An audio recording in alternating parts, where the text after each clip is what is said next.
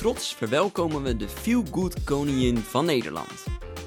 Leuk dat je luistert naar een nieuwe aflevering van Boekenrek, een HarperCollins podcast. Ik ben Sjors en in deze aflevering ga ik in gesprek met de vrouw die menig lezer doet huilen van verdriet en huilen van geluk in één boek. En dat is niemand minder dan Gillian King. Zoals bij veel mensen stond het leven van Gillian King dit jaar op zijn kop. Maar ondanks alle ellende heeft ze toch een manier gevonden om al haar energie te steken in wat ze het allerliefste doet. Namelijk schrijven. Haar nieuwe boek Ik Vergeet Je Niet noemt Gillian zelf het boek waar ze het meest trots op is. Dit is het boek waar ze echt haar eigen toon heeft gevonden. Vandaag verwelkom ik in de Boekenrek podcast de koningin van de feelgood romans, Gillian King. Welkom. Ja, hartstikke leuk. Ja, leuk dat je, dat je even ons uh, wil vergezellen in deze podcast. Hoe, hoe is het met je? Ja, goed. Druk. We zijn, ik ben wel een beetje ja, druk bezig met de promotie nu. Omdat uh, ja, mijn boek Ik Vergeet Je Niet gaat natuurlijk binnenkort verschijnen. Dus het is een drukke, maar ook wel echt leuke tijd. Het is wel de tijd natuurlijk waar je al die tijd naartoe hebt geleefd natuurlijk. Ja, absoluut. Ja. En uh, nou, dit boek is natuurlijk uh, geschreven in een, in een tijd waarin de wereld een beetje op zijn kop stond. we gaan het zo meer hebben over het schrijven van Ik Vergeet Je Niet. Maar hoe heb jij de afgelopen tijd ervaren? Nou, eigenlijk nu alweer het afgelopen jaar ervaren. Ja, het is natuurlijk wel echt een heel bizar jaar geweest. En um, ja, ik denk op sociaal gebied was het natuurlijk wel rampzalig. Want ik heb wel echt wel ja, feestjes gemist en mijn vrienden gemist. Maar uh, op schrijfgebied was het eigenlijk ideaal voor mij. dus ik had nu wel eigenlijk opeens heel veel ruimte en tijd om te schrijven. Omdat uh, ja, mijn eigen bedrijf is eigenlijk een tijd lang dat het ja, heel erg uh, ja, minder werd. Omdat de leerlingen niet mochten komen. En um, ja, dingen, dingen als hockey, voetbal, waar mijn kinderen bijvoorbeeld heen gaan, uh, dat lag helemaal stil. Dus ik had opeens een weekend dat ik dacht, oh, ik heb niks te doen. Ik kan lekker gaan schrijven. Dus dat ging eigenlijk echt enorm goed. En ben je, ben je normaal iemand uh, die zeg maar, in het normale leven, hoe we het nu noemen, het leven voor uh, maart 2020, uh, ben, je, ben je iemand inderdaad, je zei net al, die van feestjes houdt en die veel met vrienden is. Ben je wel van de sociale contacten? Ja, absoluut, absoluut. Want ik heb best wel eigenlijk ja, een druk leven. Dus ik heb ook die balans nodig van nou, hard werken, maar dan ook echt goed feesten en, en, leuke dingen doen.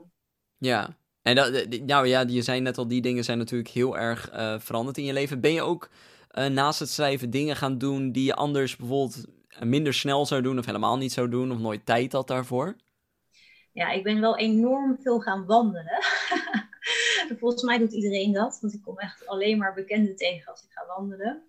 En ik ging eigenlijk wel af en toe wandelen, maar dan was het meer om mijn hoofd eigenlijk een beetje leeg te maken. Of bijvoorbeeld ook als ik vastliep in een boek, dan was het eigenlijk ook om ja, wandelen op het strand. Dat hielp me dan heel erg.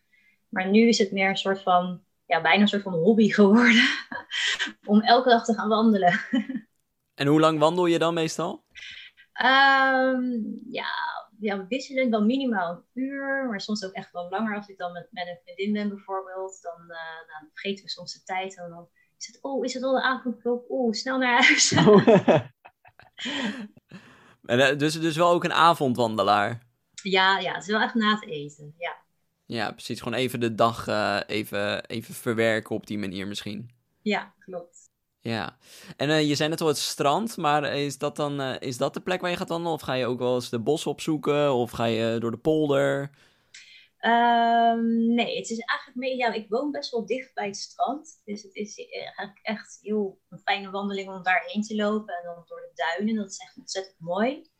Dus dat is, heeft eigenlijk wel mijn voorkeur. Oké. Oké, en in de andere tijd kan je dus gewoon uh, heel veel gaan schrijven. Ja, heel veel schrijven. Ja, maar even voor terug naar het begin. Ik zei net al, jij bent uh, de koningin van de feel good. Maar ja, niet iedereen misschien die nu luistert uh, weet meteen wie jij bent. Um, kan je ons vertellen waar je vandaan komt? Nou, ik ben geboren in Den Haag. En nou, dat kun je misschien ook al in mijn boeken terugzien, omdat decor is eigenlijk ook echt Haags. Dat vind ik ook wel heel erg leuk om over Den Haag te schrijven. En ik ben eigenlijk ja, ik heb schrijven altijd heel leuk gevonden. Eigenlijk al op de basisschool dat ik dat ontzettend leuk vond om te doen. Maar ik heb er eigenlijk nooit echt iets mee gedaan. Was op mijn dertigste dat ik dat ehm, serieus ben gaan doen. En eigenlijk ben ik daar ook ieder jaar serieus in geworden en, en in gegroeid. En um, ja, eigenlijk mijn allerlaatste boek uh, is uh, ja, het boek van het jaar geworden bij chicklit.nl.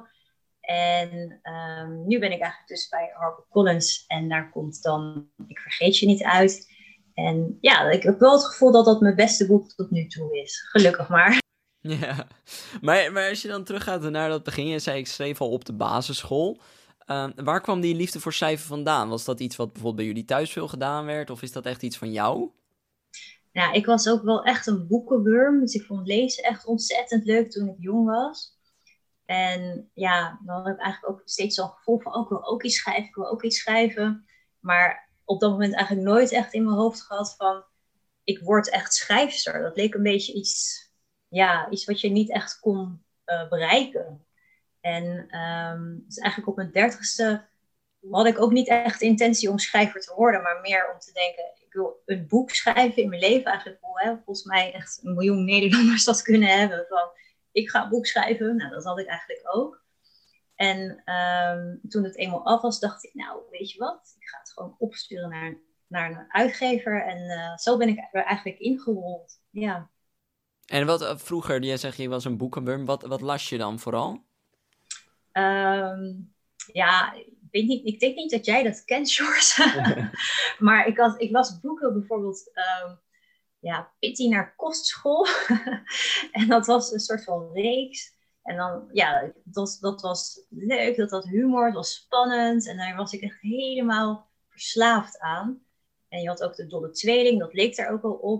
Ja, dat ken ik wel, ja. Ja, dat ja, echt fantastische boeken.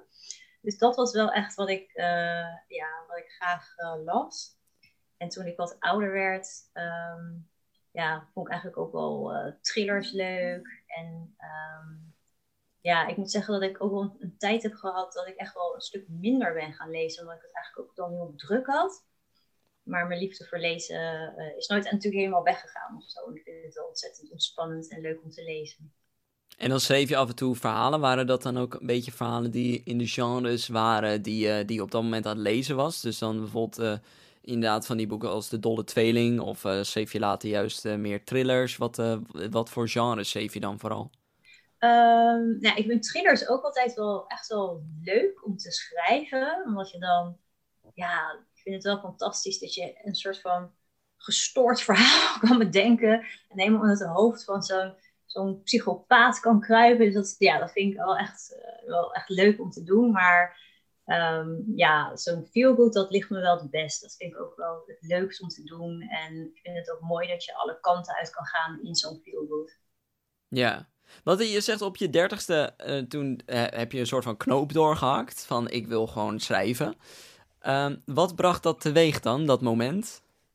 Ja, nou, dat is, dat is een beetje ja, wel een mooi verhaal misschien. Want um, op het dertigste was ik eigenlijk net bevallen van mijn zoon, Julius. En uh, ik had ook al een dochter, dus ik had een beetje zo'n gevoel van: oké, nou, mijn gezin is helemaal compleet. En ik had ook een, een eigen praktijk voor kinderen voor leerproblemen. Die heb ik trouwens nog steeds. En ik had eigenlijk een beetje zo'n gevoel van: ja, ik ben 30, maar ja, ik heb eigenlijk een soort van alles al bereikt of zo heb ik niet nog meer uitdagingen of dromen of wensen? En ja, toen kwam eigenlijk dat gevoel erg sterk omhoog van ja, schrijven, maar je wilt toch altijd al schrijven? Is dat niet iets uh, waar je nog die uitdaging in kan vinden? En ja, toen ben ik eigenlijk uh, ja, achter mijn laptop gaan zitten en ben, ik het gewoon gaan doen.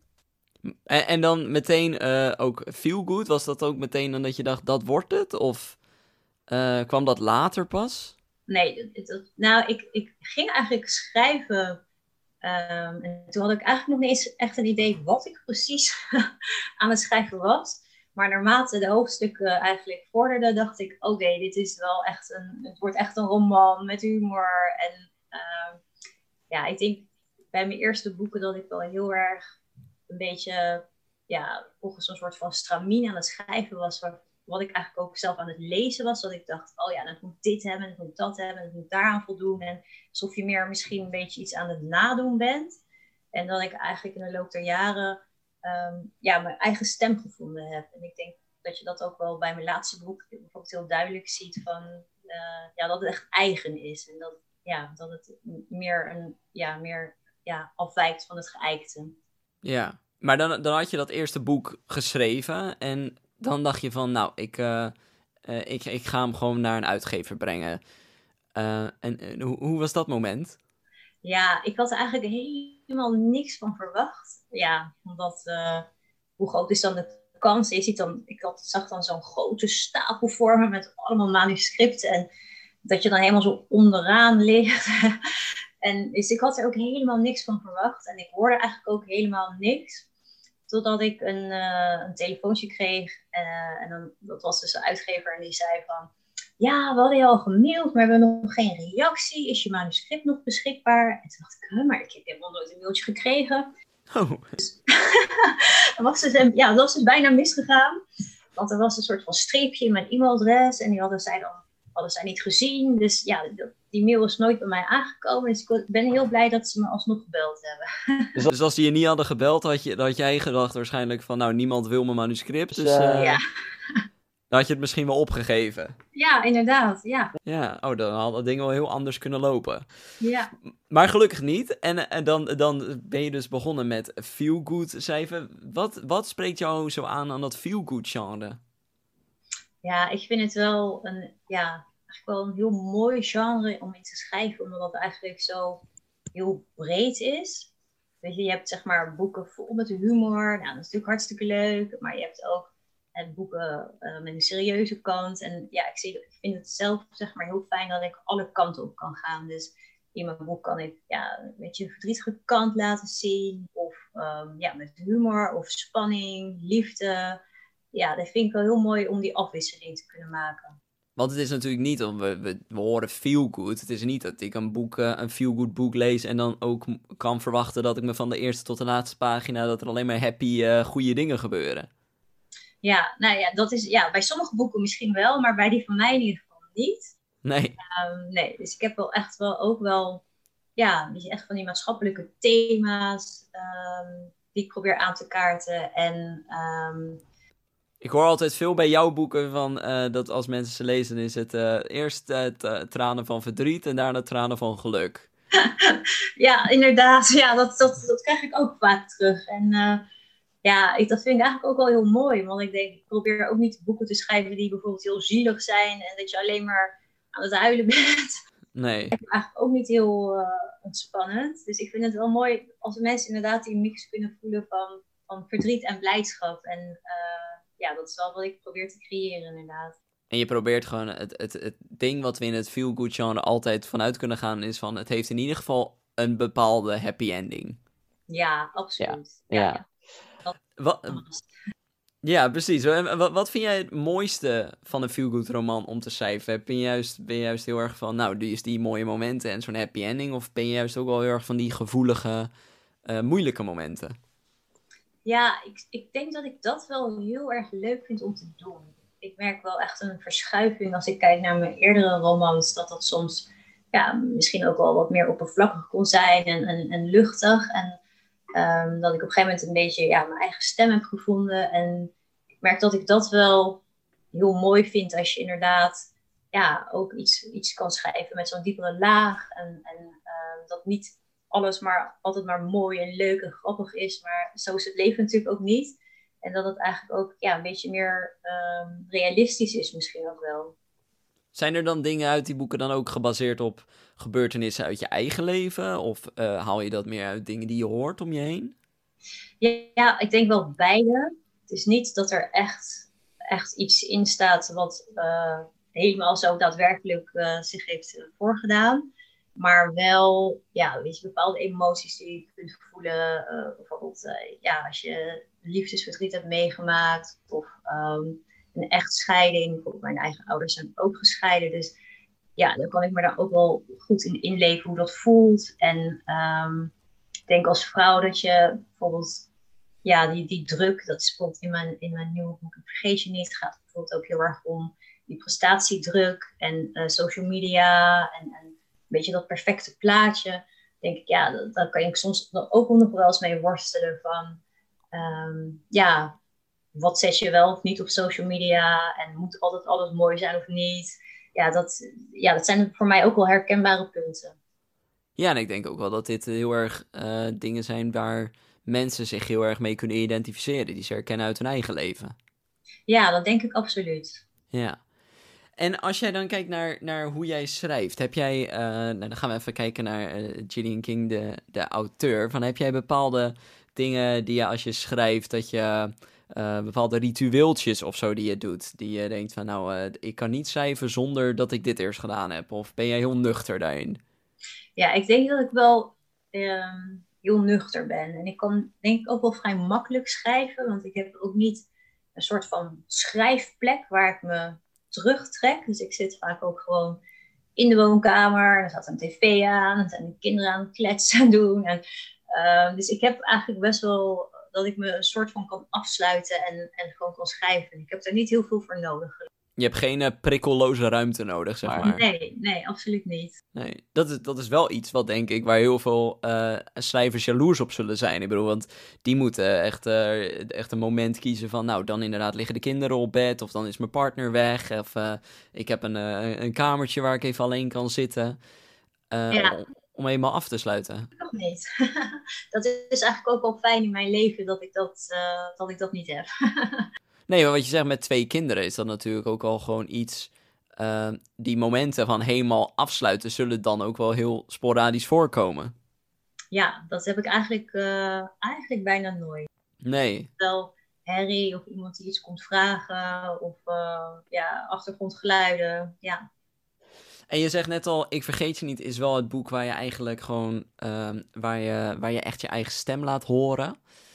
Um, en, uh, en, en waar je gewoon heel trots op bent. Wat is dat dan waar je dan zo trots op bent en waarvan je vindt van daarom wil ik dat mensen het lezen?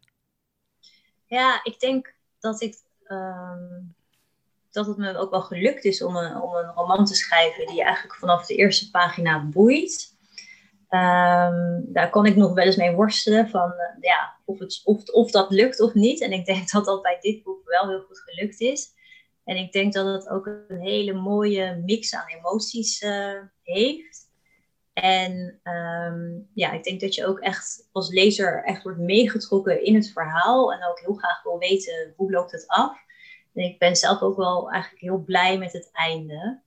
Um, toen ik het einde schreef, had ik ook zelf eigenlijk ook wel even een soort van traanmomentje. Dat ik dacht, oh, dit is echt mooi. Terwijl ik het zelf verzonnen had. Maar toch had ik dat. En ben je dan nu niet heel zenuwachtig als mensen het gaan lezen? Of valt dat wel mee?